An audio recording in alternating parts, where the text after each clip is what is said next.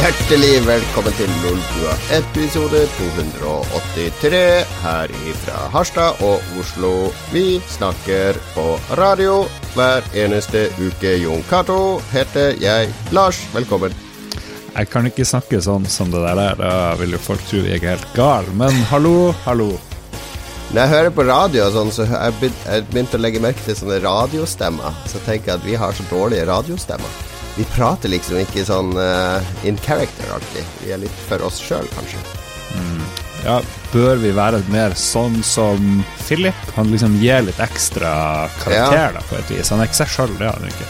Ja, han er akkurat som han skifter litt gir når mm. han sitter foran en mikrofon. Kanskje vi også burde øve Eller det er litt seint å begynne å øve på det etter 283 episoder. Kanskje Vi er nå det vi er. Altså ja. får vi heller slutte å ha mindreverdighetskomplekser overfor de som er profesjonelle radiofolk. Ja. Eh, for vi er jo et slags radioprogram, selv om vi ikke går på radio. Man skulle tro vi var litt proff etter 282 episoder, men jeg drev og klippet sist, jeg har aldri hørt så mange mm og æ og ø og sånne ting. Jeg holdt på å bli gal. Jeg må ja. slutte med det. Ja, det er, men det er kanskje, uten å kritisere deg for mye, du er veldig flink til sånne lyder innimellom. Hm. Av og til så er det veldig mange lyder, og noen ganger så skjerper jeg meg sjøl. Så i dag skal vi ta og telle. Telle antall mm og ø, så blir det en slags straff. Piskeslag per ø. det, når du først legger merke til det, så er det veldig Du blir veldig sånn selvbevisst på det og tenker 'herregud, at folk klarer å høre på det her. Ja. Metabua, velkommen til oss. Ja, ja, vi må jo snakke om eh, Folk hører jo på for å høre om eh, De elsker det som foregår i kulissene, har jeg inntrykk av. Jo mer eh, vi tar de bak mm. backstage, jo bedre. Selv om det egentlig strengt tatt ikke er så spennende backstage i Lolbua. Hva er det mest spennende som har skjedd i kulissene i Lolbua noen gang, Lars? det var jo da han Magnus slutta. Det var jo litt spennende. Det var litt spennende. Det er det mest dramatiske vi har hatt. Men uh, det er til en bok. Når vi blir pensjonister og ikke tjener penger på Patrion lenger, så skal vi tyne bokinntekter. Nå skal du få sannheten. Hva skjedde i kulissene i Lolbua? Det var ganske dramatisk, det var jo det.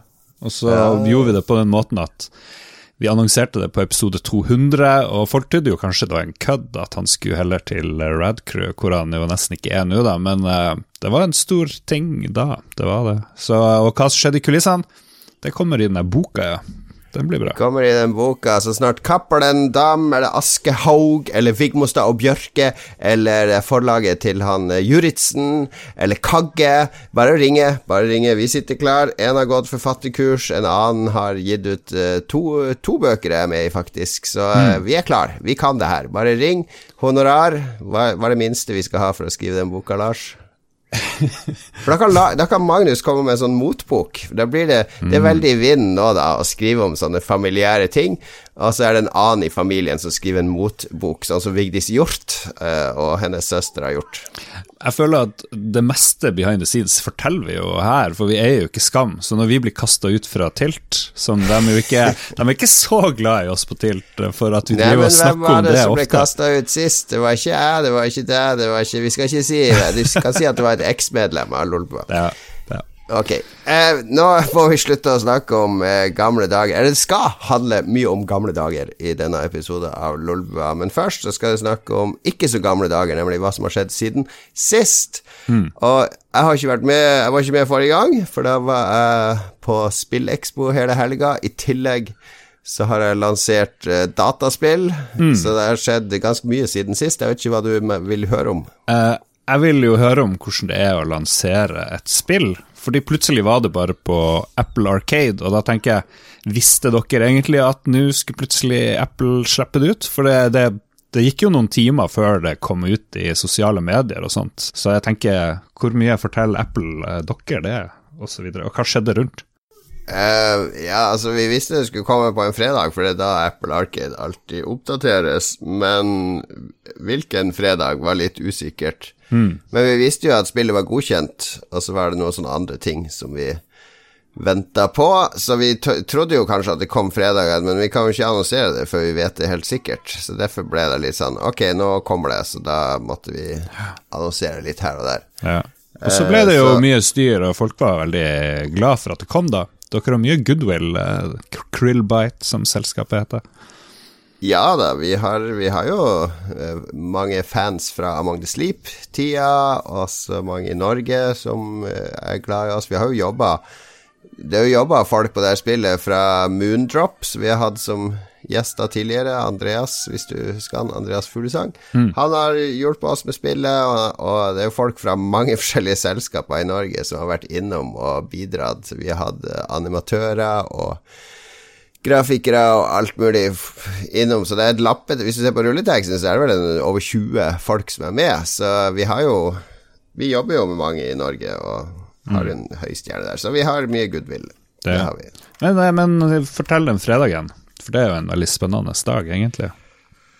Ja, det var en veldig slitsom dag for min del, fordi jeg hadde holdt på Vi, skulle, vi skulle ha stand på Spillekspo, Krillbite, fordi jeg arrangerer jo de indie-standene der, så det var ti indier i år. Og så hadde min eldste sønn og to venner han hadde leid av for å bemanne standen vår, fordi jeg skulle jobbe på hovedscenen med å presentere indiespill og Forsvaret sine foredrag og alle mulige sånne ting. Så midt i det, når jeg drev og rigga stand, så ble det jo klart at vi kommer til å lansere, så da måtte jeg sitte med en laptop og sånn mobilnett og gjøre klar bloggen, som jeg egentlig hadde skrevet på forhånd, og bare sjekke at alt var klart. Og så sitte og publisere ting samtidig som jeg bemanna en stand og skulle være konferansier på en hovedscene. For det er jeg som har det PR-ansvaret i Krillbite. De andre er bare kreative. Ja. Så det var, var, ganske mye en periode der når det tekniske ikke funka på scenen, og jeg hadde tweeta noe feil som måtte rettes, og ja, det var ikke måte på. Så jeg var veldig glad når den dagen var over, og så siden da så har jeg jo bare eh, Har jo publisert litt mer og fulgt med i sosiale medier. Men den fredagen var jo litt spesiell. Det er veldig spesielt når folk får tak i spillet ditt, og du begynner å få feedback på det. Altså, Den Apple-plattformen er jo litt lukka, da, så jeg føler jo at det er litt sånn lansert i et veldig lukka system. Mm. Må kle på deg, Trym, nå er du på TV. Vi er et veldig lukka system, da, så at spillet er liksom det er nesten som det skulle være lansert kun i Kina, hvis du skjønner. Fordi eh, det er ikke sånn I Norge er det mye Apple-brukere, og det er noen i USA og noen i England, men det er liksom eh, Det er veldig mange som fortsatt ikke har spillet tilgjengelig. Mm. Så det vi jobber med nå, er jo mot eh, 5.12., som er der vi lanserer på Steam og ja. GOG og PC. Ja, og Hvis noen lurer på lyder og nakne barn, så er det full fest hjemme hos deg tydeligvis. Ja, du har ikke gratulert meg med dagen, så jeg er litt skuffa. Gratulerer med dagen, Jon Cato. Det er farsdag i dag. Ja, ja. Det visste jeg ikke noe om. Så, nei, nei, nei. Det er jo uh, det, Du er jo ikke far ennå, så du har ikke gleden av å feire den dagen ennå. Ja. Tror du at du kan ha et barn et sted som du ikke vet om? Jeg kan jo, det er jo ikke umulig, men jeg tror ikke det. Jeg vet ikke. Det hadde vært litt crazy hvis det kom en sånn 13-åring plutselig og banka på, liksom. Eh. som en prikk lik deg sjøl som du var som 13-åring. ja, ja. Da er jeg blitt ganske bitter da, for at de ikke sa fra. Så det, det håper jeg jo egentlig ikke eh, ja. skjer. Ja. ok, avsporing. det høres ut som et bra spill, det neste prosjektet fra Krillbite. Pappa får unge på 13 år, kommer og banker på. Ja, ja, ja. Hvis det er noen der som er sønn eller dattera til Lars, så si fra til Lars, selv om du er 13 år. Han, han blir ikke så sur. Ja. Ok, nei, men det, jeg har lansert spill. Jeg var på Spillekspo. Altså, det har vært litt busy. Det har ikke vært mye frikvelder. Det har skjedd tusen andre ting òg. Jeg har vært på det har vært spillquiz, jeg har vært på tiårsjubileumsfest for Tilt. Uh, jeg har vært på konsert, og ja, litt av mm. hvert. Men jeg, du kan ikke bruke hele sendinga på meg. Jeg hører du har vært på mediekonferanse i Nord-Norge. Ja. Eller Trond, Trond Giske-show, hvis vi skal tro mediene i sør. Hvert andre år så er det noe som heter Svarte natta i Tromsø, og det var 350 mediefolk samla der i helga, så det var, det var veldig gøy. Jeg treffer mye kolleger fra hele, hele landsdelen og folk som kommer reisende hit og dit fra. Så det var kult. Var på foredrag fra, med politiet, som fortalte hvordan de driver og intervjuer både offer og mulige gjerningsmenn, hvordan de går altså, frem. Sånn forhør? Ja, forhør, og det er jo jævlig sånn spennende. Er det sånn good cop, eh, bad cop, sånn som vi ser på film? det var litt skuffende, fordi vi tror jo at politiavhør er sånn som vi ser på TV-serier, hvor det er sånne closere Ja, som skal inn og presse ut en, eh, og lure folk til å tilstå. Men han sier at nummer én, det er jævlig vanskelig, det er nesten umulig hvis ikke du kjenner folk godt, å se om de lyver. Så det er bare avfeie dem en gang. Politiet klarer ikke å se om du lyver. Så det er nummer én, du kan bare lyve så mye du vil. så lenge politiet ikke har noe bevis, så slipper du kanskje unna med det. da. Og nummer to, dem de er mer sånn uh, saklig, og tydeligvis så høres det ut som det er veldig greit å komme på avhør hos politiet. fordi Før i tida så var det en amerikansk modell, og det var veldig fokusert på tilståelsen. og I dag så er det uh, en engelsk modell som er faktabasert og vitenskapsbasert, hvor liksom du vil ikke ha falske tilståelser, for det, det, det er jo et stort Det problem. jeg tror jeg har sett en dokumentar om i forbindelse med Breivik og avhørene av han. Der Ja. var det mye om de samme metodene. Og så tok han opp det her fallet Kevin, som du har nevnt. Eh, Ja, en ja, ja. skandale i Sverige hvor to barn ble eh, dømt, eller de ble stilt til ansvar for å ha drept en fireåring, eller noe sånt. Og, og, men det han brukte der, da, det var intervjuene som eh, de svenske dokumentarfilmfolkene hadde brukt mot politiet. Og det var liksom samme måten som politiet i Norge gjør sin jobb, at de går ikke spesifikt inn med en gang og anklager folk eller spør for, for tydelige spørsmål. De sonderer og spør mye mer rundt rundt et tema, og det mente han journalistene gjorde galt da. Vi går for hardt inn. Så når vi har gjester i Lolbua, så bør vi egentlig ifølge politiet spørre litt rundt og la dem assosiere fritt, fordi hvis man setter premissene for hardt, så bryter man tankerekke, og man liksom Det, det er jo veldig vanlig i media. Når jeg blir kontakta, så er det fordi nå vil vi ha en sånn person som kan si dette om dette temaet. Ja, og da får du veldig begrensa informasjon, i stedet for at du kan bruke kreativiteten til den du snakker med, og kanskje få noe nytt og spennende som du ikke visste du var ute etter. Så det, det var ganske bra, men det var noen høres ut som det er veldig nyttig for skurker å være på det foredraget. Ja. Er, er det sånn uh, fagblad for skurker, Skurkenytt eller noe sånt, som var til stede og bare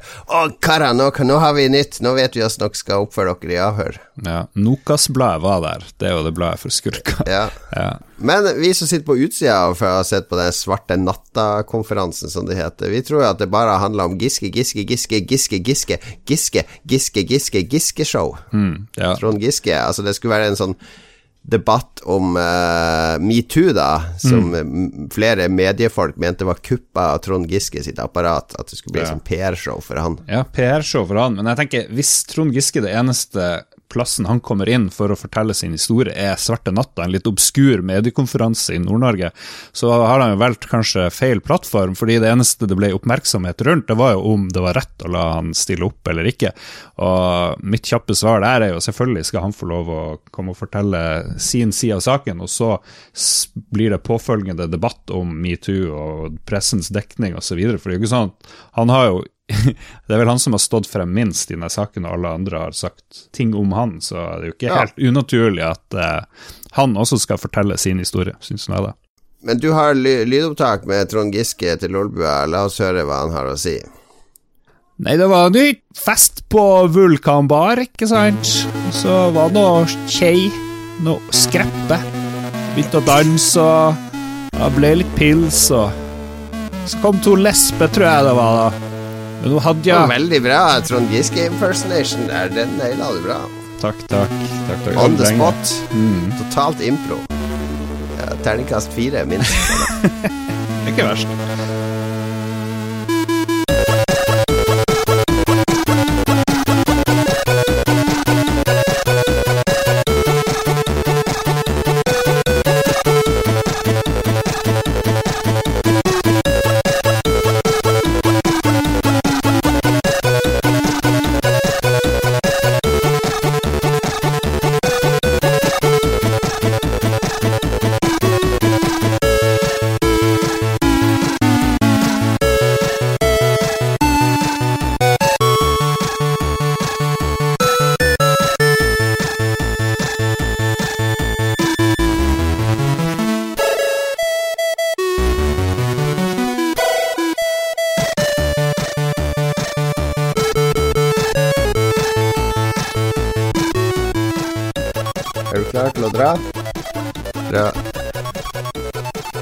Er du klar til å dra? Bra. Du må si 'jeg elsker deg'. Si 'jeg elsker deg' til sending. Hvor ofte sier du det? Til barna mine sier jeg Ja. alltid det. Jeg er glad i deg, sier du det? Ja, det sier jeg. Ja, okay. Jeg er stolt av deg. Ja, det sier jeg. Ja, ja, men det er bra. Det er bra, pappa. Sier jeg. Hva i alle dager har du gjort nå? Rydde opp etter det. Gjør du Jævla drittunge! Slutt å lage lyder. Skru ned den iPaden, sier jeg. De sitter jo bare og hyler i denne videoen. Skru ned. Trenger ikke å ha så høy lyd. Hva er det her for Det drit er det jeg sier mest, tror jeg. Ja. Og de ser på noen sånne TikTok og YouTube-videoer der det er bare sånn Hele tida. Altså konstant hyling i noen av de videoene. Jeg fatter ikke eh, hva greia er, men nå høres jeg veldig gammel ut. Kutt det der. Hva har vi spilt i det siste? Dette er jo eh, høytida for mange når det gjelder spill, eller i hvert fall var det før. Da var det liksom høsten da alt kom, og så var det ganske slapt, og så ble det litt sånn oppsving ved påske, og så var sommeren en veldig sånn avslappende periode. Men nå kommer det spill hele året, så det er ikke, det er ikke sånn at det har vært Eller det er ganske mye å spille akkurat nå. Uh, Spesielt ett spill er vel det mange spiller akkurat nå. Det ble lansert uh, forrige uke, forrige fredag. Uh, Death Stranding av Hideo Kojima. Det spilte jo jeg gjennom uh, før det kom, og Ja. du har holdt på med det. Du er ferdig med det nå, Lars? Fy faen! For jeg trodde jeg var ferdig med det spillet fem timer før det var ferdig. eller noe sånt. Det var helt, Ja. helt vill slutt. Skal ikke røpe mye, men eh, man, jeg husker den avslutninga på Ringenes herre-trilogien, og da tenkte jeg herregud, denne filmen blir jo aldri ferdig. Men det er jo ingenting imot det Hideo Kojima presenterer. Jeg ble litt forbanna. Ble ikke du sint? For hvordan Nei da, avslutta nei da, jeg var ganske resignert da. Så, eh, men så syns jeg Jeg syns han, eh, han Han binder jo sammen mange tråder mm. veldig godt på slutten, da. Du får jo closure på veldig mye, og det er bra. Ja da, jo da, ja da. Så du skrev en anmeldelse i Aftenposten, og så fortalte jeg masse om det jeg syns, og jeg står inne for det. Men jeg må si jeg ble litt sånn, den slutten provoserte meg veldig, fordi ting for forklares som jeg allerede har skjønt for lenge siden. Uh, litt for inngående, syns jeg. Det, han kunne, kunne stole på intelligensen til spillerne litt mer. Det kunne han Du kunne vært litt mer vag, er det du sier. Litt mer vag, ja. Jeg liker vage ting. Jeg liker David Lynch-stilen, hvor du ikke Ok, det er jo en mellomting da mellom David Lynch og det å forklare alt. Eh, Det er jo to ytterpunkter, kanskje, men et sted midt imellom hadde kanskje vært greit. Han er jo exposition-kongen. Han vil jo ha endeløse monologer om hva som skjer, og så gjerne en dialog om det samme etterpå, og så en ekstra monolog om det samme, bare for Hvis du ikke fikk det med deg, så er det altså det her som skjer. ja. Han har sånn TLDR etter alle viktige poenger, liksom. ja, omtrent. Ja, jeg har ikke spilt det siden jeg runda det, men jeg, jeg må innrømme jeg har eh, Jeg går og tenker på det hele tida, av mange av de delene, så jeg har gleder meg veldig til å prøve meg på nytt til sommeren når det kommer på PC. Eh, og- Men det er litt rart også... at det kommer til PC. Beklager at jeg avbryter. Det er dårlig intervjuteknikk. Jeg skal la deg friassosiere Ja, videre. det er litt uh, rart. Vi kommer til det i nyhetssak. Men jeg har spilt en del andre ting. Jeg har spilt um, Red Dead Redemption 2. Kom jo til PC nå nylig, så jeg så heldig å få en kode fra Tobias, som jobber med Rockstar i Norden. Uh, og det var det var kjempegøy å spille det på nytt på PC, men det er en veldig lang og seig intro. Du husker jo den oppe i snøen der. Så at jeg spilte bare litt singleplayer, bare for å se litt på grafikk og sånne ting. Fint, det. Og så gikk jeg rett over på Red Dead Redemption 2 online, fordi det spilte jeg bare så vidt på PC, nei, PlayStation da det kom. Og det var jo veldig uferdig da det kom, veldig sånn beta-greier. Men nå har de nå har det blitt mer sånn komplett. Du har, du har ulike sånne eh, retninger du kan drive med. Bounty hunting og trading og uh, collecting er liksom tre sånne grener der du kan samle på ting og oppnå forskjellige ting. Uh, masse flere missions, og så er det, var, det var jo veldig sånn kill-fest når det kom på PlayStation først. Det var jo bare kaos. Fullstendig bare kaos. men det er det ikke nå lenger. Du møter andre spillere hele tida. Veldig sjelden, tror jeg tre ganger på liksom åtte timer spilling at jeg har blitt angrepet av andre spillere. Eh, så det er ganske sånn hyggelig stemning eh, i spillet. Folk er ikke så ute etter å ødelegge for hverandre. Det handler mer om å tjene penger, gå opp i rank. Det, sånn sett er det veldig likt GTA Online, at det, alt du gjør er for å tjene penger, for å kjøpe deg nye ting og bli bedre. Ja. Så jeg, jeg syns jo den spillverdenen er fantastisk.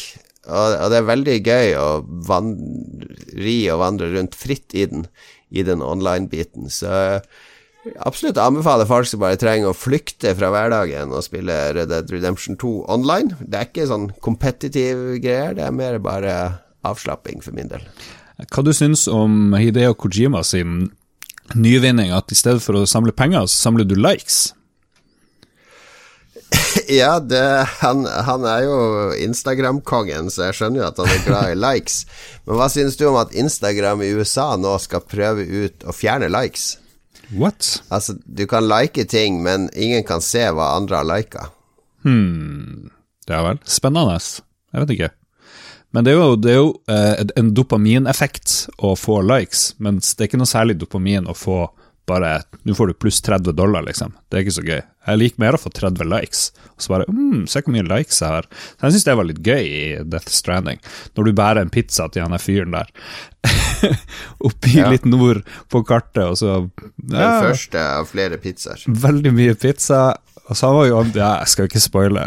det, er jo, nei, det er mye rart. Men jeg aner jo ikke hva du egentlig mener om eh, Death Stranding, og det vet jo ikke mange av lytterne våre heller. Så kan vi få en liten sånn mini-review, er ikke det på sin plass? Uh... Faen, for et vanskelig intervjuobjekt. Her må jeg bli litt sånn tøffere, skjønner jeg. Ja, jeg har ikke forberedt meg på det tullet her, da. Nei, nei, der ser du. Sånn er, det i politiintervju. Stranding for lengst. sånn er det i. Da får du bam, får du faen meg ja. ting i fleisen. Uh, nei, jeg liker jo settinga. Altså liker mm. Hva er det jeg skal si for noe? Herregud, for en elendig uh, spilljournalist. Alle store tenkere må jo tenke. Ja, det er lov, det. Er lov, det. Jeg kan legge til rette med at hvis du har lyst til å gå på do, så kan du gjøre det. Hvis du er redd for at parkeringa går ut, så skal vi fikse det. Dette er ting politiet sier, da, for liksom få. Eh, rolig ned da, først. fordi da snakker de mye friere hvis de føler seg komfortable.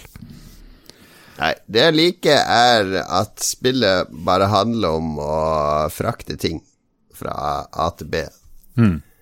Ja. Og at uh, reisen er opplevelsen, ikke det å komme frem. Fordi det toucher på noe jeg snakka om før i Lolbua.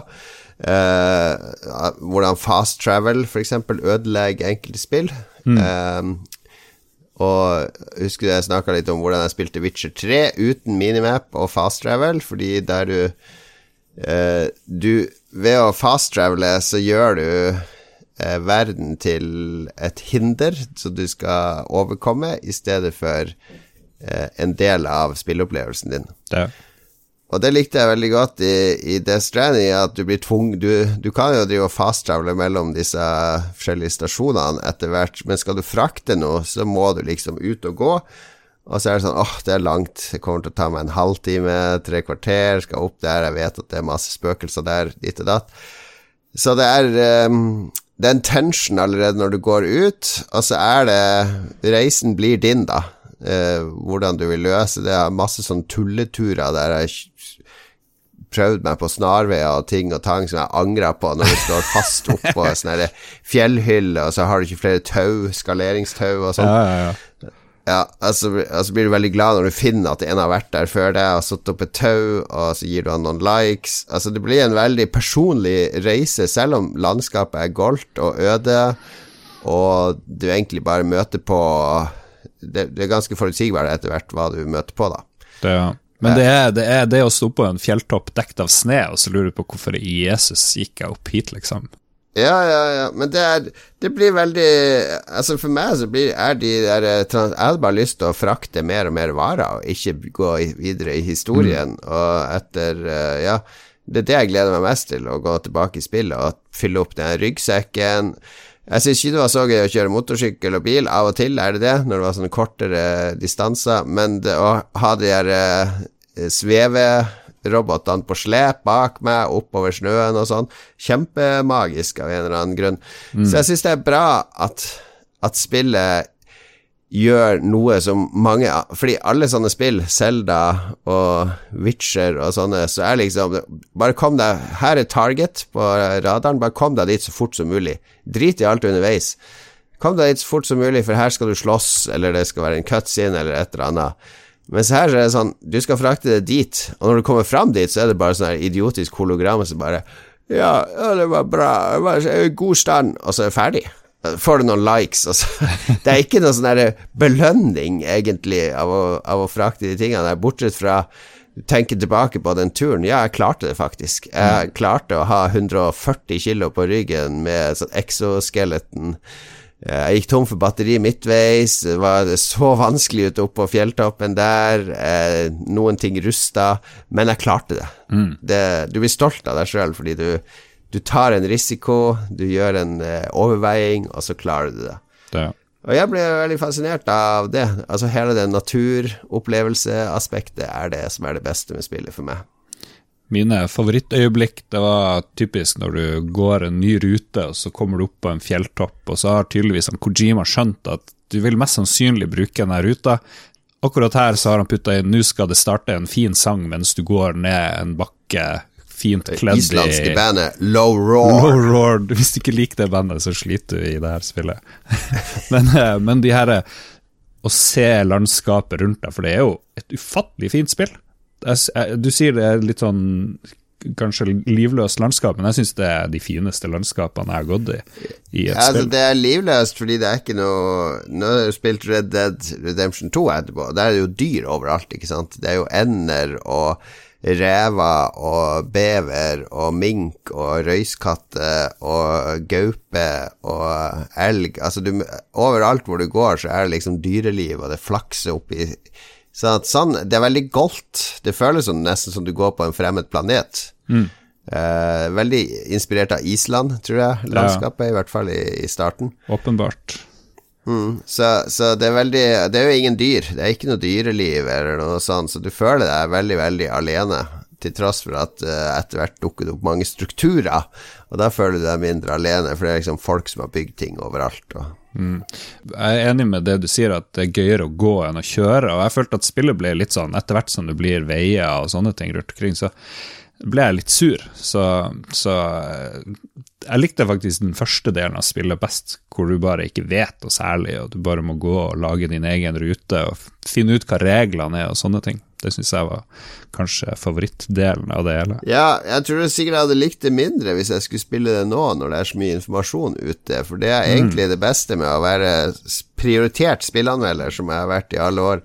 Og noe av det verste med å miste den jobben, er at du må spille spill samtidig med alle andre, sånn at internettet er full av, uh, av spoilere og uh, ja. Og folk de har destillert opplevelsen før du liksom har fått sjansen til å gjøre det. Ja. Så det å sette på Death Stranding når du vet at nå er vi 5000 rundt omkring i verden som ikke kommuniserer med hverandre, som ikke har et forum vi kan gå til, eller en nettside mm. Vi må finne ut alt sjøl. Ja. Alt er nytt og spennende og hemmelig. Det er en veldig god følelse. Var, jeg var jo heldig og fikk gjøre det samme på Red Dead Redemption, f.eks., og uh, det er mange spill Jeg tror mange anmeldere eh, syns det er stas, og det kanskje påvirker vurderinga litt, enn at ja. Ja, ja, det er kanskje det vi kan avslutte med, er, er spillanmelderne som jo i stor grad virker positive. Noen hater det, men vil folket være like like fornøyd. Jeg ser for meg at mange vil hate det her spillet. Egentlig. Ja, jeg tror mange vil mislike det, men jeg tror det er jeg syns alle burde spille det og bare gjøre seg opp sin egen mening. Ikke sitte og se på stream, timelange streams med andre som spiller det, og la folk fortelle deg hvordan du skal like det, eller spille det, eller gjøre det. For det er litt Hvis du gjør det til din egen opplevelse, så blir det mye bedre. Det. Er det noen flere spill du vil nevne, eller? Uh ja Jeg kan nevne Ring Fit Adventure, som går sin seiersgang her hjemme hos oss. Det er det nye treningsspillet til Nintendo Switch. Mm. Som Nintendo har laga oppfølgeren til WeFit på en måte. Men i stedet for et sånn balansebrett nå, så kommer spillet med en diger sånn eh, gummiplastring som du skal montere en kontroller i. Og det er en sånn elastisk ring da som du skal drive og presse mot magen, eller presse sammen over hodet. Og det er ganske tung, tungt å drive og presse på den ringen, så min kone og mine barn, de, de spiller det mye. Ja. Det, du får en fin uh, liten sånn ekstra treningsøkt ut av det. Veldig gamifisert. Skal drive og jogge og slåss mot uh, monster og sånne ting. Det siste jeg kan nevne, er en gem av et puslespill som jeg sittet med litt nå i helga, som heter Kine. K-i-n-e. Finnes på Epic Gamestore og Switch, tror jeg. Der du skal styre en trombone og noen trommer og et trekkspill i sånne tredimensjonale puzzles. Du skal manøvrere de til exiten, bare. Og alle har sånn ulik Trombonen kan Eller tromma kan dytte ut to cymbaler på hver side, mens trekkspillet kan dytte ut et trekkspill bak seg. Eh, de har sånne powers du må utnytte for å manøvrere i landskapet, sånn at de skal bevege seg rundt.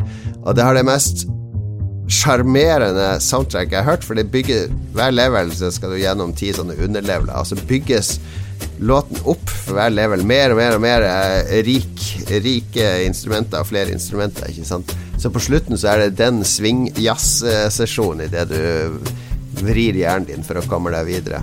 Mm. Det er litt som Steven Sausage Roll for de som spilte det kultspillet. Eh, manøvrering i 3D-space er det det går ut på.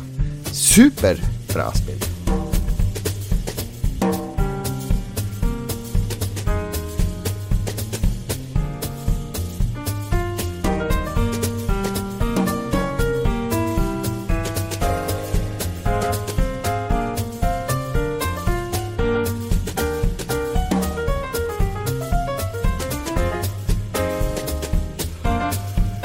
Ok, vi holder her med litt spillnyheter. Nyhetsspalten, selv om det er bare nordlendinger her. Vi pleier å være enten Mats er den eneste nordlendingen som får lov å lese nyheter, ellers skal det være en søring.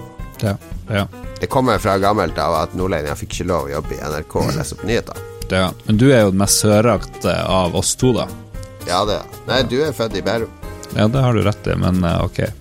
Det blir en kamp på liv og død der. Jeg, vi kan lese annenhver. Den britiske Fortnite-streameren Jarvis K, eh, som er en krøllete uh, Krøllhåret 17-åring eh, Han fant ut at han skulle gjøre noe veldig morsomt til sine to millioner YouTube-subscribers, og han lagde seg en ny eh, konto på Fortnite, og så installerte han masse aimbot-ting. Mm. Og så dro han ut og drepte Slakta folk i spillet, mens han i ekte YouTube-stil lo og hylte hele tida. Oh my god! Altså, det var veldig gøy en time helt til den brukeren hans ble banna. Mm. Eh, for heldigvis har de apparat på plass som oppdager aimbot-bruk når spillere rapporterer det. Og, og så trodde han alt var helt greit, helt til de så videoen hans. Så bestemte Epic Games Ever og livstidsbandet hele Jarvis K fra å spille slash streame, lage videoer av Fortnite. Mm. Ganske streng eh, dom. ja, det må jeg si er heftig, altså. Jeg vet ikke. Hva med å så gi en advarsel? Det, nå finnes det en Det er kanskje ikke så gøy å se 17-åringer gråte, men må, det finnes en sånn video der han liksom jeg føler han ber ikke om unnskyldning heller. Han bare sitter og griner foran kamera og liksom forklarer at han angrer på det han har gjort, og syns det er urettferdig. Og dette var jo inntekta hans. Han tjente vel noen hundre tusen i måneden på å spille Fortnite. Og nå får han aldri mer dra på Fortnite-events. mm. altså, og det er en veldig godt klipt video der du nesten får sympati med han, og så tenker du bare Jesus Christ, dude, skjerp deg. Du bør ha et apparat rundt deg som faktisk eh, hjelper deg med å forstå hva du har gjort der. Men er det, det er rett? Syns du det er greit å banne han for livstid? Det er jo ganske brutalt, spør du meg. Ja, nå var det vel noen millioner som så denne videoen hans, og så da tenkte jeg å, så kult å spille med aimbot, da gjør vi det. Det er vel det han er blitt eh, mm. banna for, at han har lært eh, Og alle som har kids de vet jo at det er bare barn som ser på disse youtuberne. Så det er jo bare 10-12-14-åringer som har sittet og sett på de videoene hans, og nå har blitt inspirert til å jukse sjøl. Men tror du Ninja ville blitt livstidsbanna hvis han gjorde noe à la det samme? Eh, jeg håper han hadde blitt det, fordi han Ninja er jo en idiot, han òg. Det er han som nekter å spille med dame av respekt for kona si, er det ikke det? Jo, men han har spilt med dame etter hvert, sånn tilfeldige folk som hopper på så okay. er i ettertid. Han er vel redd for å bli gravid over Fortnite, tror jeg, eller et eller annet sånt. han mener Jeg tror han mener at det blir så fort så mye rykter ut av det. ja. Da vet vi at Jarris K er bandlyst fra Fortnite, og så kan vi fortelle at Death Stranding slippes samtidig på Epic Game Store og Steam, og det er vel neste sommer, er det det det skal komme? Ja, Hvis du ikke er PC-spiller som du, Lars, så mm. tenker du hva, hva, er det for en nyhet? Ja. Uh, men det er det, spillet, det er det eneste spillet som slippes på begge plattformene. Mm. Uh, samtidig. Fordi alle andre spill jo, har jo vært sånn Epic Game Store exclusive i et år, og så kommer det på Steam. Mm. Og så har det også vært sånn at Epic vil ikke ha spill som slippes på Steam samtidig. Nei. Nei. Det vil de ikke. Uh, så, så det er første spillet som kommer på begge samtidig.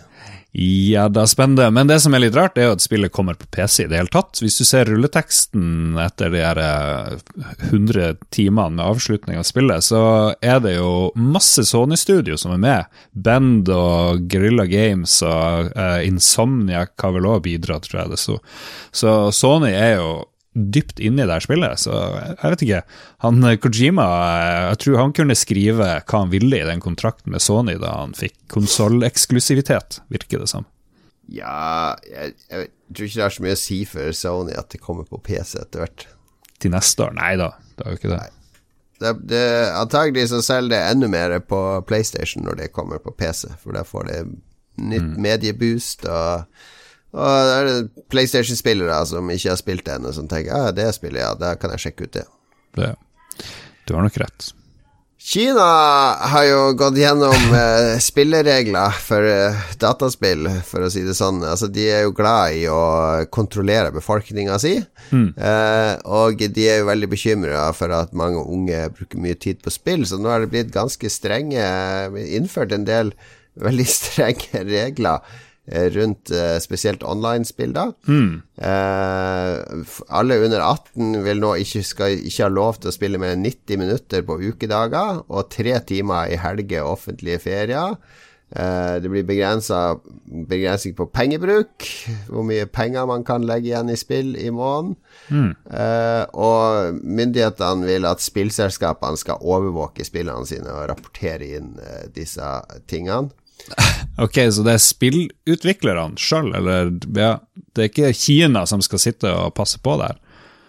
Nei, jeg tror Kina pålegger spillutviklerne å håndheve de tingene. Oi, oi, oi. Hvis de ikke håndhever det, så bare får de ikke lov å selge spillene, ikke sant. Det er jo sånn det fungerer. så hvis dere skal selge mosaikk i Kina, så må dere innføre en sånn herre kontoordning, og så må dere registrere Mosaikk er ikke et online-spill, for det, det, greia som det her er, er de spill som er online, tror jeg, så vidt jeg har skjønt. Mm, ja, ok. Hmm, hmm. Fordi det er, det, online du kan overvåke de tingene. Ikke sant? Hvis du har en bruker som er 15 år, så kan du jo lett se Ok, nå har du spilt eh, 90 minutter i dag, så må du bare kaste han ut av spillet. Ja, ja, men det er jo lett det er jo bare å si at ok, alle spill må være online. så kan du overvåke alt. På mobil så er jo veldig mange spill altså De populære spillene er jo online. Ja. Så sånn er, sånn er, det jo. Jeg møtte ei dame jo... i helga, og hun sa at hun lot ungen sin kun spille én time hver dag. Og da kalte jeg henne 'worst mom ever'. Eh, men, så jeg, hun er strengere enn Kina. Men um, jeg syns det er litt strengt. 90 minutter? Hmm. Ja, jeg, jeg, jeg jeg mener det må være opp til hver enkelt og hver familie og sånne ting. Altså Balanse i alt, herregud. Men hvis skulle Tenk hvis du var 15 år og bare skulle få spille tre timer på lørdag og tre timer på søndag når det er helg. Mm. Det er litt kjedelig, da, når det er mørketid og storm ute og du sitter inne. Ja, ja. Nei, det hadde ikke funka i det hele tatt. Men Kina er jo Nei. Kina, så jeg er ikke, sånn, ikke overraska. Jeg blir jo ikke sjokkert av denne nyheten. Det, jo, det, som kanskje kan bli positivt, er jo hvis uh, ungdommen uh, reiser seg i protest og uh, endrer det kinesiske system fordi de vil spille mer dataspill. Dataspillene inspirerer til en ny kinesisk revolusjon. Mm. Og så kan vi fortelle Vi kan fortelle at han Herman Hulst, sjefen for Guerrilla Games, er nå sjef for Sony Worldwide Entertainment. Og ja, hvem det var han tok over for? Det han der uh, Han tok over for Shuhei Yoshida. Ja. Uh, Yoshida har jo alltid vært indie-folket sin darling, så nå skal Yoshida uh, konsentrere seg fullt og helt om de mindre spillene, mens Worldwide-sjefen han holder da liksom på med trippel A-spillene til, til, de større studioene rundt omkring. Så han Herman Hulst er jo Jeg har jo spist middag med han i Amsterdam mm. en gang, når jeg var der på, på en tur. Uh, veldig høy, som alle nederlendere er. Jeg tror nederlendere er de høyeste i Europa. Jeg tror Snitthøyden er sånn 1,91 eller noe sånt på menn der. Det er jo galskap. Ja, det er helt vilt. Uh, men han uh, virker som en veldig oppgående, normal, jordnær fyr. Mm. som kanskje litt vel glad i Gerilja har alltid vært glad i teknologi og laga veldig sånn tech-fokuserte spill. Nesten tech-demoer, ja, kan du si. De der Killzone-spillene så jo jævlig bra ut, men det var ikke så bra gameplay. Det var sånn Halo Light-aktig, eller jeg vet ikke hva man skal kalle det. Uh, ja. ja. Det, de innfridde liksom ikke helt på gameplay alltid. Men så kom det jo med Horizon Zero Dawn, som mange har likt, så det er tydelig at det har skjedd ting i studio der òg. Blir veldig spennende å se hva det studioet holder på med nå, egentlig. For det er vel et par mm. år siden nå Horizon kom, så de ja. skulle tro jeg, jeg, vil garantert tro at de holder på med en PlayStation 5-launch-tittel. Mm. Eh, kanskje noe nytt i Horizon-serien. Forhåpentlig ikke et nytt Killzone, som vi fikk til lanseringa av ja. PlayStation 4. For guds skyld ikke noe mer Killzone. Vet du hva jeg var ja. overraska over? Det at han Herman Hulst, som jo ga engine til Gorilla til Kojima, så det er jo den derre Decima engine som er veldig bra, da. Som ja, ja. powerer hele, Men... hele, Death Stranding. Så jeg er sjokkert over at han ikke er en karakter. Uh, spoiler alert i, uh, i, Death Stranding. For han tok jo med alle han kjente, blant annet vår uh, Jeg har hilst ofte på norske regissøren Tommy Wirkola fra Alta. ja, hans som, tryne dukker opp ganske tidlig. Ja, så det er jo litt gøy. Så hvorfor kom ikke han Herman Hulst der? Det, det skjønte jeg ikke. Kanskje han ikke hadde lyst. Nei. Men det, det, det, som eh, er litt positivt med Hulst, er at han kommer veldig direkte fra spillutvikling-leddet. Og det at han ga den motoren til Kojima, kan bety at han kan bli en aktør til å dele tech i større grad. Hvis mm. flere har tilgang til den type motorer og deler ressurser, så kan det jo bli enda flere og bedre Sony-eksklusive mm. spill. Ja.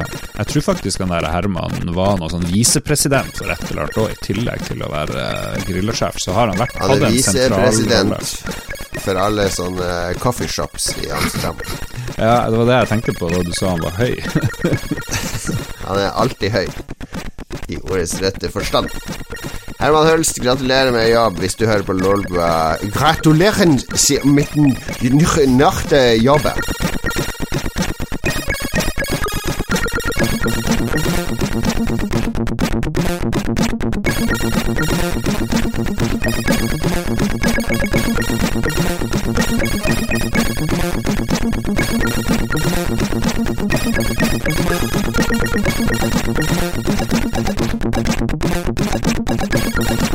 Thank you.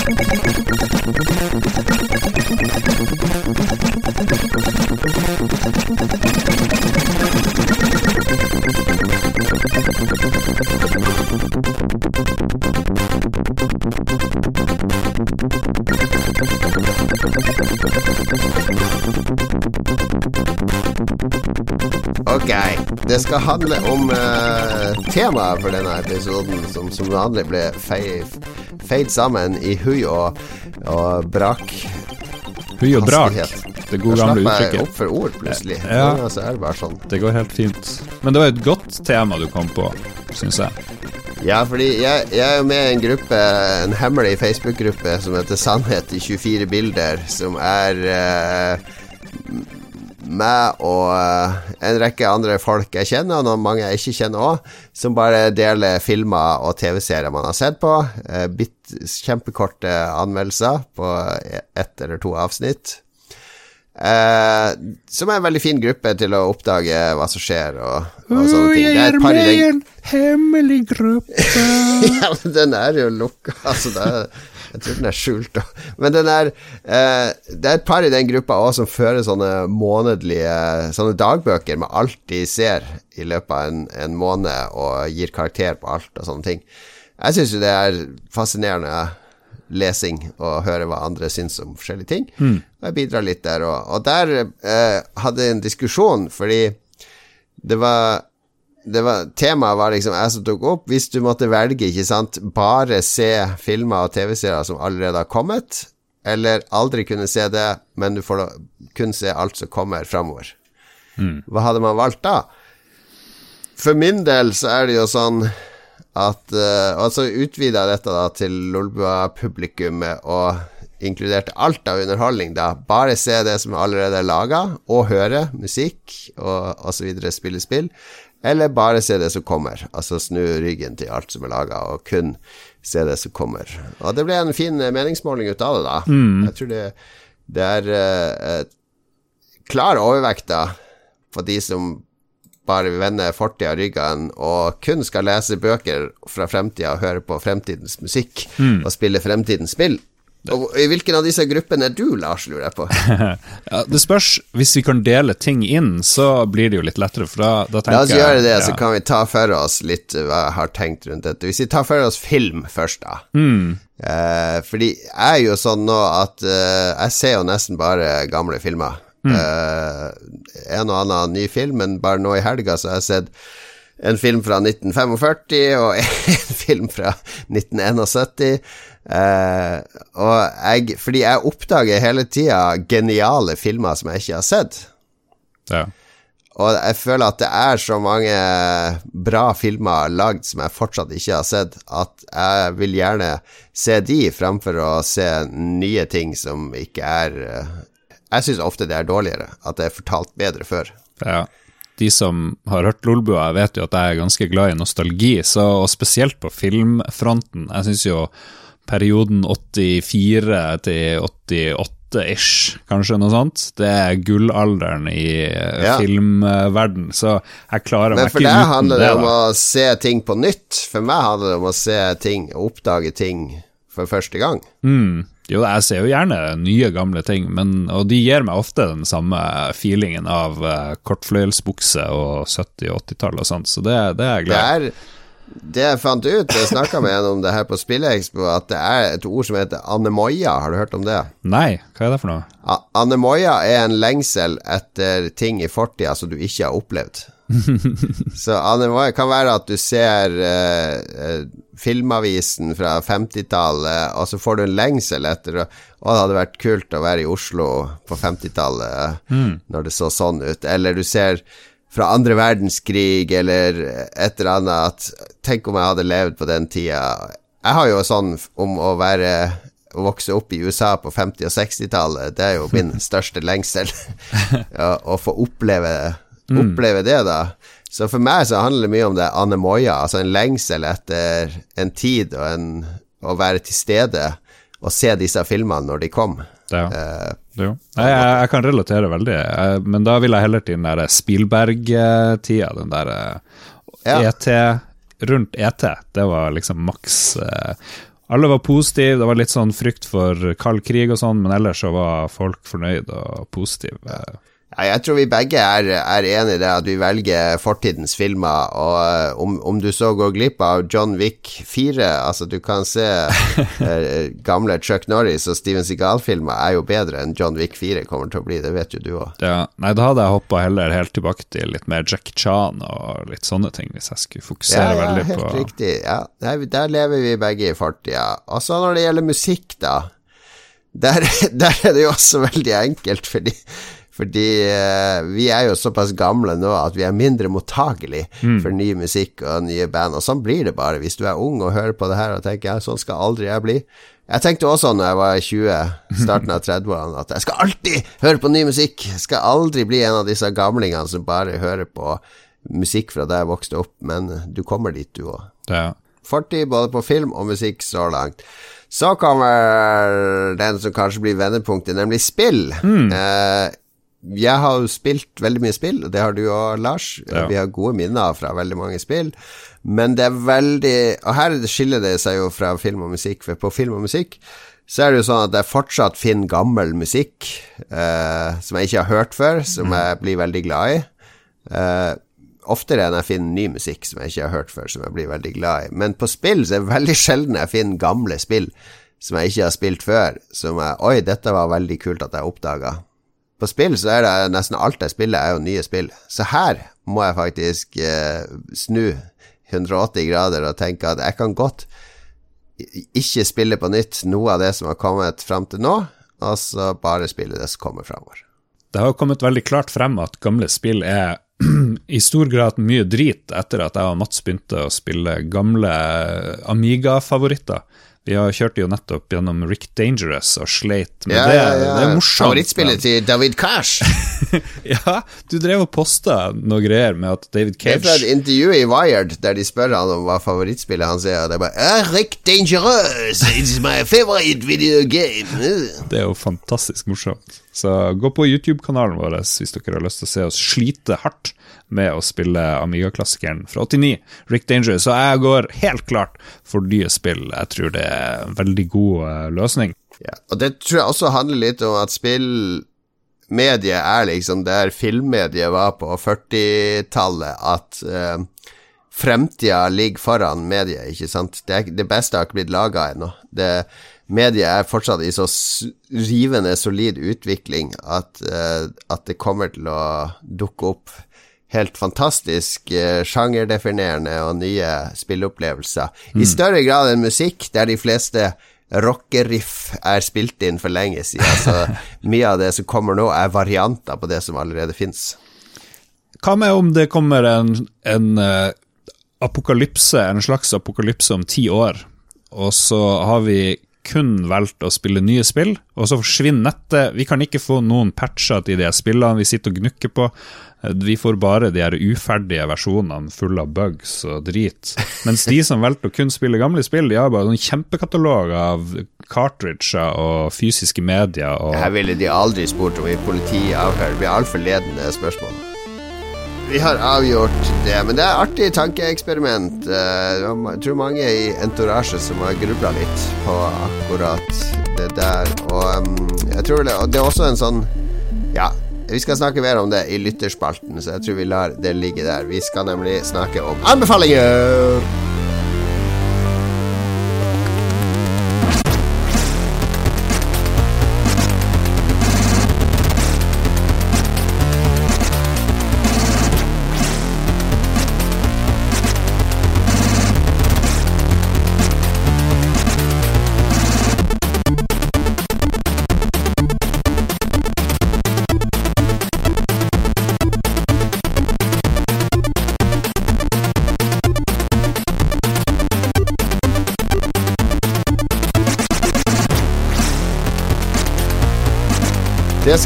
Anbefales ting.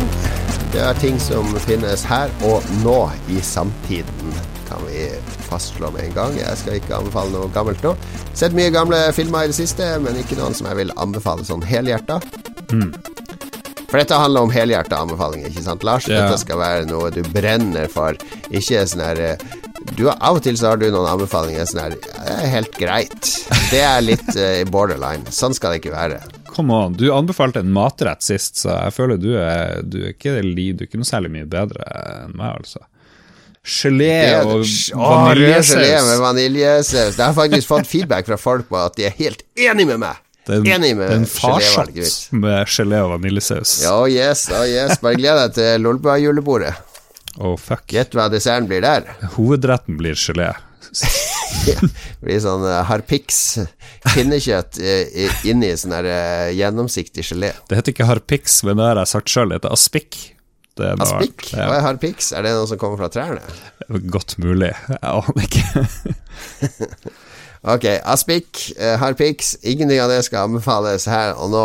Jeg kan ta min før. Først, jeg har sett um, Eller vent litt. Jeg må bare google det. Oi, oi, oi. Slik blir pølsen laget, Hva er folkens. navnet på regissøren og sånne ting? Ja, det må det. Det har jeg, jeg googla for lenge siden. Det har jeg klart. Ok, vi tar det på nytt. Beklager at dere ser på live. Men det er jo derfor dere ser på live. Ja, disse ja, det her er magisk. Jeg skal anbefale Ari Aster sin nyeste film, nemlig 'Midtsommer', Mm. eh, som er en skrekkfilm som eh, En amerikansk skrekkfilm som foregår i Sverige, faktisk. Og uh, handler om en gjeng uh, ungdommer fra college som drar med sin studie, svenske studiekompis til Sverige på sommeren for en sånn midsommerfestival i en sånn bitte liten bygd, vi kan vel si en sekt, der denne svenske ungdommen har vokst opp. Og deres opplevelser her, som er litt gufne, kan vi si. Det er en skrekkfilm. Ja. Og eh, Ari Aster er jo, for de som hører fast på Lolbua, så kan de kanskje huske at for en tidligere i år så anbefalte jeg en film på iTunes som heter Hereditary, en skrekkfilm om en litt rar liten jente og et hus der det skjer overnaturlige ting. Eh, litt demongreier. Det er Ari Aster sin film, det òg. Hereditary og Midsummer er liksom to av de nyeste filmene hans. Og han er nå på vei til å bli min favorittregissør innen skrekk. Mm. Uh, der uh, Hereditary er sånn veldig klassisk skrekkfilm med mørke hus og korridorer og ting som skjuler seg i mørket, og overraskende hendelser, Du skvetter, det er gufne ting. Så foregår jo nesten hele midtsommer i sånn her uh, nordnorsk sommer. Altså det er lyst omtrent hele tida. Og dagslys og alt foregår i Veldig kontrast mellom de to filmene, føler jeg. Ja. Så jeg skal ikke røpe så mye av filmen, men den er uh, guffen på mange plan. Veldig, veldig kult filma. Mye kule scener med kamera opp ned, og som beveger seg gjennom landskap. Og ja, ja den er uh, virkelig verdt å se. Se den uh, alene eller med en du er glad i, en mørk vinternatt. Så, så får du en, en herlig opplevelse. Han, eh, Mats har jo anbefalt den tidligere, så, men jeg har ikke fått uh, sett den. Men det, den er øverst på lista, fordi da Mats og hans søskenbarn Trond for å så den, så kom de tilbake og var helt sånn her satt ut, spesielt han søskenbarnet der. Han, død, han, hadde aldri sett noe lignende, så trengte å fordøye den i flere dager. Ja, nei, den er, eh, den er voldsom. Er voldsom. Ja. Jeg har én kjapp anmeld, eh, anbefaling, og så har jeg en bonusanbefaling. Eh, om, ja, bare begge helhjerta, så er det greit. Ja da, jeg begynte å se HBO-serien Watchmen fordi jeg elsker Watchmen. tegneserien. Eh, den er jo veldig, veldig bra. Skrevet av Alan Moore og tegnet av Dave Gibbons. Og så har de gjort den om. En fyr som heter Damon Lindelof, han som sto bak mye Lost, og eh, som jeg ikke så noe særlig av. Eh, skjønte ingenting av Lost og ble bare irritert. Over, det virker som de lagde den etter hvert som de holdt på, og hadde ikke peiling på hva de holdt på med, og det tror jeg egentlig er helt sant. Det er helt riktig, det. det er... Det er en bok eh, som jeg tror jeg har anbefalt før, som handler om de ti mest viktigste TV-seriene mm. fra 90-tallet frem til nå. Lost er jo en av de, og der får du ganske bra innblikk i hele den prosessen med hvordan de Internett hele tida var ett hakk foran. Uansett hva de tenkte på, så var det en teori om det på internett. ja, og så har han skrevet The Leftovers, som jeg likte veldig godt. Den er veldig fin. Ja pluss masse andre ting. Og han har omgjort den her Watchmen, for han har ikke gjort historien som også har blitt filma, en sånn halvgrei film, litt kjedelig og lang filmversjon. Ja, Zack Snyder. Ja, og TV-serien er mer på sida av alt det her, mer inspirert av, kan du si. Sånn som TV-serien foregår vel 30 år etter handlinga i eh, filmen og tegneserien. Ja, han eh, der blå fyren, han er oppe på Mars og er litt sånn uh, uaktuell, i hvert fall i starten, og bare er tulle, tulle med seg sjøl. Hva heter han der uh, blå? Han som er nesten en sånn gudeaktig fyr. Mr. Dr. Manhattan? Dr. Manhattan, ja, ja. Han er bare, han er ikke med der, ikke sant. Det ville vært litt kjedelig å ha han i en TV-serie, for han er jo allmektig omtrent, ja. kan gjøre hva han vil. Så det her er mer uh, litt mindre kraftige helter. Men det er veldig gåtefullt fortalt, da, serien. Det er sånn at du må tenke hvorfor er det sånn? Mm. liksom konkludere sjøl. Du får liksom vite at Robert Redford, ikke Ronald Reagan, som ble president på 80-tallet, og at Redford har vært president president i 30 år. Og USA har blitt veldig sånn uh, liberalt og, og venstrevridd, kan du si. Altså det Svarte har fått mye mer rettigheter, kjønn osv. Og så er det litt høyrefascistisk, eh, terroristisk terroristmotbølge til det her. Ja, og Første episoden starter langt bak i tida, når det var noen raseopptøyer et eller annet sted. Det er sikkert basert på noe sant. Er det er basert på Tulsa-raseopptøyene. Sann massakre. Ja, og det er veldig, veldig bra skildra, og så skyves det frem i tid. Jeg elska første halvdel av første episode, og så ble jeg veldig skuffa over den andre, for jeg syntes det var litt sånn her mye tøv og tøys. Og så, så tenkte jeg ok, jeg presser på, og episode to og tre, som bare det jeg har sett så langt, det er kjempe, kjempe, kjempebra. Så derfor er det en minianbefaling. Så jeg, jeg tenkte at hvis du nå har sett den første episoden og tenker at det her er litt drit, så, så er det veldig Det er jo en klassisk konflikt. Magnus Tellefsen, vårt gamle medlem, han var jo en typisk kjent for å se to sesonger før det endelig ble bra i den tredje. og sånne der. Men her er det nå bare én episode, som kanskje ikke er så bra som den burde være. Velger Du se velger du gammel eller ny TV? Eh, gammel. Du kan se Colombo til krampa tar deg. Kanskje Colombo, Kojak eh, og han der Min favoritt er jo han der eh, Jake and the Fat Åh, Man. Nei, nei, eh, Streets of San Francisco er jo en av mine absolutte Oh. favoritter, med Michael Douglas og Carl Malden. Mm. Men også han der eh, Han like Han ob, Hva heter det? Altså obdusere lik, heter det på norsk? En, en eh, patolog, tror jeg det heter. Ja, han, han begynte på Q. Quincy, var det det han het? Jeg husker jeg gikk på TV2. En sånn sur, skallat uh, gamling som, mm. som egentlig bare skulle skjære opp lik og, og se etter spor, men som endte opp med å løse alle sakene. Det var, det var 80-tallsserien.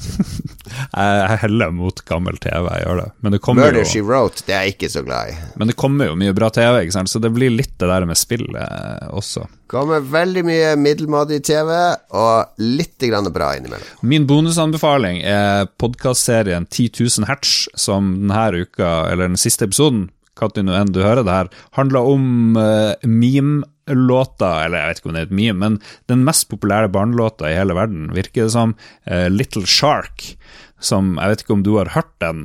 eh, Mine barn eh, kan eh, Little Shark utenat. Ja. ja. Og jeg, jeg hadde aldri hørt om det her før. Det er sånn typisk, hvis du har har unger ikke barn, det er jo ikke rart. Hvis du har unger, så har du hørt om den. Så de går gjennom historien og prøver å finne ut hvor den kommer fra, for det er utrolig mange versjoner og i utrolig mange språk. Og så er det et selskap i Korea som bare lager sinnssykt mye penger, tjener sinnssykt mye penger på barn og lager morsomme, fargerike animasjoner og sanger osv. Og, så videre, og sprer det ut i hele verden. De har eh, en milliardindustri å tjene penger på unger, som er et spennende tema i seg sjøl. Jeg tror 80% av de som ser på YouTube, er barn eller har hjernen til et barn. Jeg tror du har rett. Jeg har jo sett de her onkelungene mine. De, det er bare Det er sånn Du har en hann som kommer og plukker opp en kopp med en farge, og så heller de fargen over i en Ja, annen de er helt ukritisk. De er helt ukritiske, du ser alt. Jeg vil anbefale å google eller gå på YouTube og søke opp eh, Kleiner High, som er den tyske versjonen. De har lagd en litt sånn eh, tysk aggressiv teknoversjon som ble kjempepopulær i Tyskland, med ei dame som bare Hun var sånn random YouTube-fenomen, og plutselig står hun på scenen med sånne her, Ellen Walker-aktige folk og synger der. Men hun synger på en sånn litt sånn eh, fascinerende, aggressiv måte, og så stemmen hennes brister på en Ja,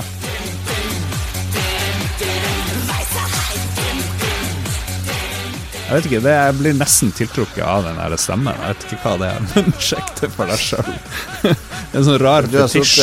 du, har, du har ikke tid til å se Watchmen, men sånn Little Shark-coverversjoner har du sittet og fordypa deg på YouTube i det siste. jeg fikk tips av det da gjennom podkasten 10 000 hertz, som er veldig bra handler kun om lyd og, og, og litt sånn audiofenomen. Veldig, veldig Ja. spennende. Det var bra. Jeg kom med en ekstra anbefaling, ja, og det er hvis du er markedssjef for f.eks. If skadeforsikring eller DNB eller Ikea eller noe sånt. Ikke kjøp annonser på YouTube, for sitter, det sitter bare barn og folk med barnehjerner og ser på det. Ingen kjøpesterke, ingen i målgruppa di uansett. Det sitter seksåringer og ser på en eh, forsikringsreklame, så de må holde ut før de kan se på noen farger og en hai som synger. Ikke putt reklamepengene dine der. Se heller Watchmen, TV-serien på HBO. Hør 10 000 Hertz-podkasten, og tør du, så setter du på Midtsommer sent på kvelden. Da er vi kommet til veis ende i Lolbua for denne gangen. Takk for at du hørte på. Takk til våre produsenter. Beklager, beklager. Vi skal ha lytterspalte, Jon Cato. Har du glemt den igjen? Ja, du hater, du hater virkelig lytterne. Det er litt trist. Det er det. Jeg syns lytterne kan lage egen podkast hvis de absolutt vil være med i en podkast. Ja, men det har jo mange gjort. Det er jo flere av lytterne våre. eh, han Megaman Mudenia har lagd egen podkast. Megaman Mudenia, heter han det? Ja, Vegard. Vegard Mudenia heter han. Ja, eh, mange har gjort det. Bra, bra det. Bra. Ja. Lag podkast. ok, dere har sendt inn noen greier, og vi får nesten lese det opp. Ja. Hans Ja, Det handler jo om vil du ha gamle ting, eller vil du ha nye ting. Og det var en del interessante observasjoner. Selvfølgelig så må de drive og flisespikke og spørre eh, og prøve å, finne loopholes. Gjelder det hvis f.eks. et band som allerede finnes, men de gir ut et nytt album i 2020? Ja, da kan du høre på det albumet. Så du kan høre på ny Metallica, men ikke gammel Metallica. Mm. Det. Eller må alt være nytt på et Artyrstad-album? Samme gjelder spillserier. Altså, du kan spille de nye spillene i serien, ikke de gamle. Og husk, Cyberpunk kommer i april. Ja ja, bla, bla, bla. Det. Eh, Erik André Skage gikk veldig hardt ut og sier at ingenting var bedre før. Det er bare stemningen, følelsen, man savner. Og, Ja, det må jeg være sterkt uenig i. Eh, men eh, jo, nostalgi handler mye om stemning og følelse, men eh, problemet er jo hvis du er 30 eller 40 år og tror at du har sett alle de gode gamle filmene, eller lest alle de gode bøkene som er skrevet, eller hørt all den gode musikken som er laga, så har du ikke det. Så det handler jo mer om at eh, har du lyst til å gå enda dypere i materien fra fortida, eller skal du bare være en konsument som konsumerer det Disney og andre sier at dette skal du se? Ja. Så er det jo problem Jeg tror det var du som delte en lenke om at eh, Fox, eller hvem det enn det var, de gjør ikke filmene sine tilgjengelig for Ja, Disney eier jo nå Fox, så de eier alle Fox-filmene. Og filmklubber i USA, eller filmkinoer i USA, er ofte veldig flinke til å sette opp gamle filmer og nye filmer, så at folk kan få kinoopplevelse. Se Alien, eksempel, på kino. Det er en kjent Fox-film. Alien 1. Ja. Det er jo litt magisk å sitte i mørket og se den. Men i det siste året så er liksom Disney stramma inn på det her, så de, de vil ikke dele disse filmene. Og dette kommer av at Disney har jo i alle år hatt en sånn taktikk at alt vi har laga, er liksom hellig. Og så har de hypa opp at nå, om et halvt år, skal Pinocchio komme på VHS. Nå er den tilgjengelig for salg i to måneder. Nå tar vi den bort. Nå blir det ti år til neste gang. Sånn har Disney alltid operert. Uh, og Det kalles for Disney sitt Walt. Altså De putter ting i et hvelv, og så er det ikke allment tilgjengelig. Så er du filminteressert, historieinteressert, uh, filmhistorieinteressert Det ble mye film og historie på en gang der. Men det, det er liksom blitt sånn at, at de, de, de lager det til en sånn trasig jippo i stedet for å gi folk tilgang til uh, historikken sin. Og de er ikke med på Altså har de ting som de bare har begravd helt. Song of the South, som er en veldig klassisk Disney-film som blander live action og animasjon, men som foregår har litt problematisk tematikk med slaveri og, og Uncle Tom-vinkling og sånne ting. Den vil ikke Disney at du skal se i det hele tatt. Så de driver med sånn egensensur. Alle, hvis du drar til Disneyland-museet og ser på alle gamle bilder av Walt Disney, så har de eh, photoshoppa vekk sigaretten, for han var jo en kjederøyker. Så han holdt, holdt ofte en sigarett i de bildene.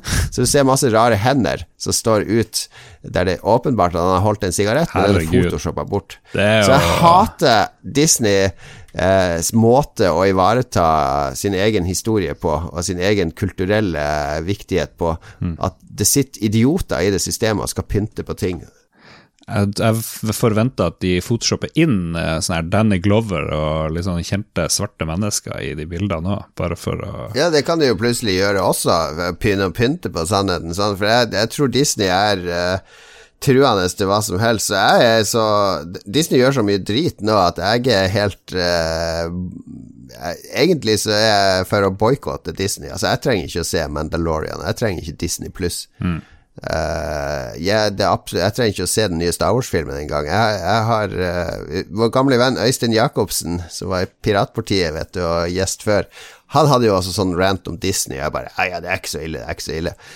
Men nå er jeg faktisk blitt enig med vår venn Øystein Jacobsen at vi må stoppe Disney. Og de driver jo også og presser kinoer, ikke sant? Kinoer i USA nå, sånne store Cinemaplex, Det er sånn Disney krever 70% av filmene dere viser, skal være fra oss. Hæ. Ellers så får dere redusert tilgang på nye Star Wars og sånne ting. Sånne jævla bølle mafiataktikker. Det går ikke an å sitte og se på det her. Sett foten ned. Drit i Star Wars. Drit i Disney. Drit i Marvel. La de seile sin egen sjø. Helt enig. Boikott Det Kina. var, det var bra med lytterspalten. Nå får jeg letta på hjertet mitt. Nå liker jeg lytterspalten. Henrik Elman Ellmann sier at ingenting slår 70- og 80-tallsfilmer, og der er jeg jo helt enig. Og på streamen så følger vår venn Philip med. Han lurer på kan han se Let's Play av gamle spill, selv om han ikke kan spille gamle spill. Det er et veldig godt poeng. Ja, ja, hvis du ikke skal ha tilgang til de, så må vi ta bort det òg. Ok, Og så har vår venn Mats eh, meldt inn. Han eh, tilhører Team Future. Han hadde savna mye, men eh, ja, det å ikke oppleve nye spill og ny musikk og nye bøker, så er det lett for han. Eh, ja. Ja, men der tar Mats feil igjen, fordi du kan fortsatt oppleve ny musikk, nye bøker og nye filmer fra fortida som du ikke har sett ennå, så da blir det nytt for deg. Igjen, Mats går rundt og tror at han har sett alle bra filmer fra fortida. Det har han ikke. Stian Mæland kunne slått seg til ro med alt av musikk, spill, film som er utgitt til nå. Der har du et rolig hjerte. ja. Øystein Reinertsen, veldig vanskelig spørsmål. Han banner egentlig, men vi banner ikke Lolbua. Veldig vanskelig spørsmål. Det er alltid behagelig å kunne gå tilbake til noe man kjenner, men samtidig nye impulser, inntrykk og ideer er såpass viktig for meg at jeg går for kun nyttig ny musikk. Ja, men litt samme som jeg sa til Mats der. ja, ja. Det går fortsatt an å finne ny musikk i fortida. Skal vi se, vår eh, gode venn Fridtjof uh, Wilborn, han går for fortid, selvfølgelig. Um, det er mye han ikke har sett, og mye han gjerne opplever på nytt. Skal vi se, Ingrid Emilie Solheim, eh, vil det si at man bare kan høre på gamle episoder av Lolbua? Hmm. Uh, ja sånn ja, ja, i praksis. Ok. Og til slutt Torgeir Attestog, som er Targeir Attestog, som jeg tror er et nytt navn i lytterspalten. Velkommen. Eh, åpenbart et oppdikta navn, eh, det òg. Eh, han går for fremtida. Vær forsiktig, vi har fornærma lyttere før når vi har kritisert navn Det er ingen som heter Targeir. Er det, hva er det for noe? Hva Vet du om det er noen som heter Targeir? Det er jo, da har foreldrene dine dysleksi, og du har det sikkert Må ikke sjøl. du snakke om Vi har fornærma lyttere før ved å snakke om foreldrene deres òg, Lars. Nå må du være Ja, forsiktig. jeg tuller, jeg tuller. Jeg elsker folk med dysleksi. Uh, det kommer sikkert holografiske remakes. Oi, oi, oi, han lever litt i fremtida.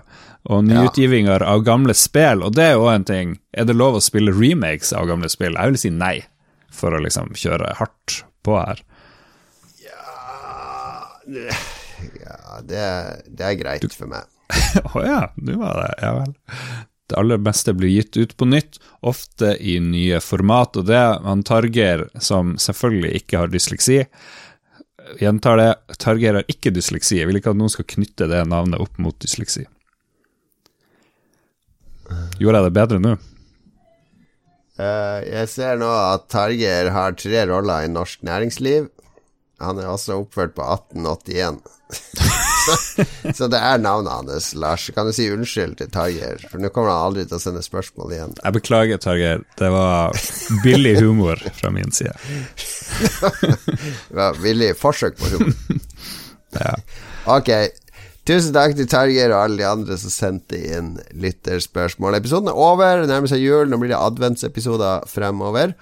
Eh, og det er uunngåelig skal vel skje at vi må faktisk kåre årets beste spill. Psykedelika of the Ashen Hawk.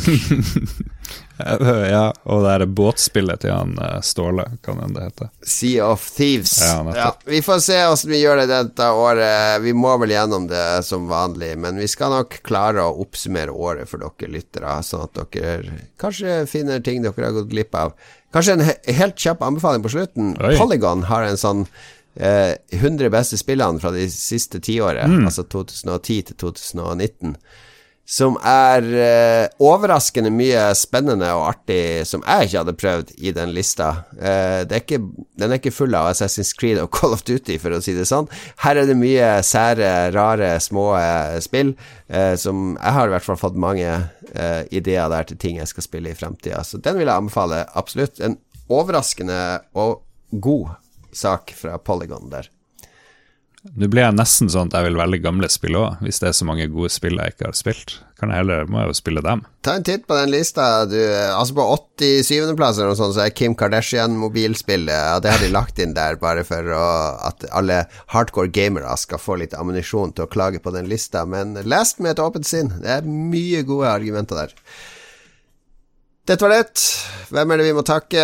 Våre produsenter Kobra Kar 84, TTMX PXT et eller annet. Noe sånt, ja. Og Rolf Helge. Rolf Helge Øvergård Ingebrigtsen. Altså Kampsauen. Kampsauen er ny. Kampsauen har quiz hver onsdag i discorden vår, ja. så det har blitt veldig koselig. Jeg har ikke sett deg der, Fleksnes, som du heter på discorden. Det, det. Jeg på onsdag så var jeg på middag. Ja, han kjørte en sånn ny greie hvor helt på slutten så valgte han jo to random, eller to av de som gjorde det best, virka det som, og så fikk de kjøre duell, og det var litt sånn lite engasjerende for alle andre. Så, men eh, det er jo gøy at han eksperimenterer med, med formatet. Ja. Så det er 100% støtte. Eneste podkast i Norge med quiz hver onsdag på Discord. Så bli med i vår Discord-kanal. Jeg har fått masse nye medlemmer der i det siste. Og er du sånn Nitro-Discord-bruker og har noen boost til over, så kan du gi oss det òg, så får vi bedre lydkvalitet på quizen. Mm. Absolutt. Noe annet? Vi har en Patrion.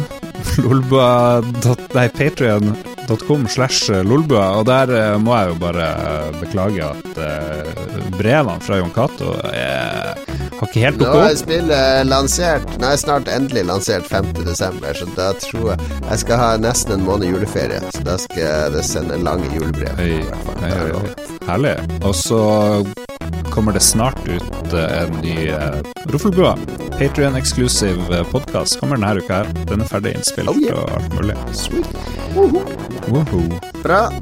Det var det. Eh, vær snill og grei. Det er snart jul. Husk at julenissen ser deg døgnet rundt, også når du sitter på do. Takk for oss. Ha det bra. Ha det bra.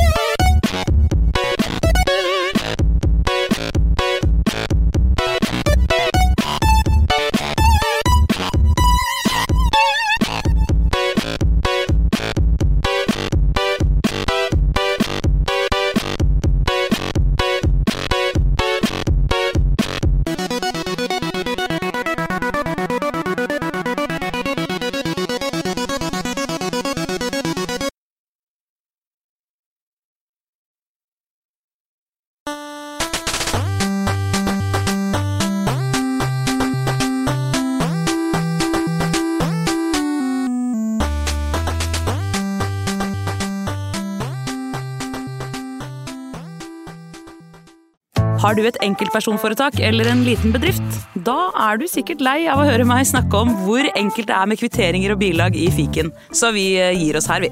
Fordi vi liker enkelt. Fiken superenkelt regnskap.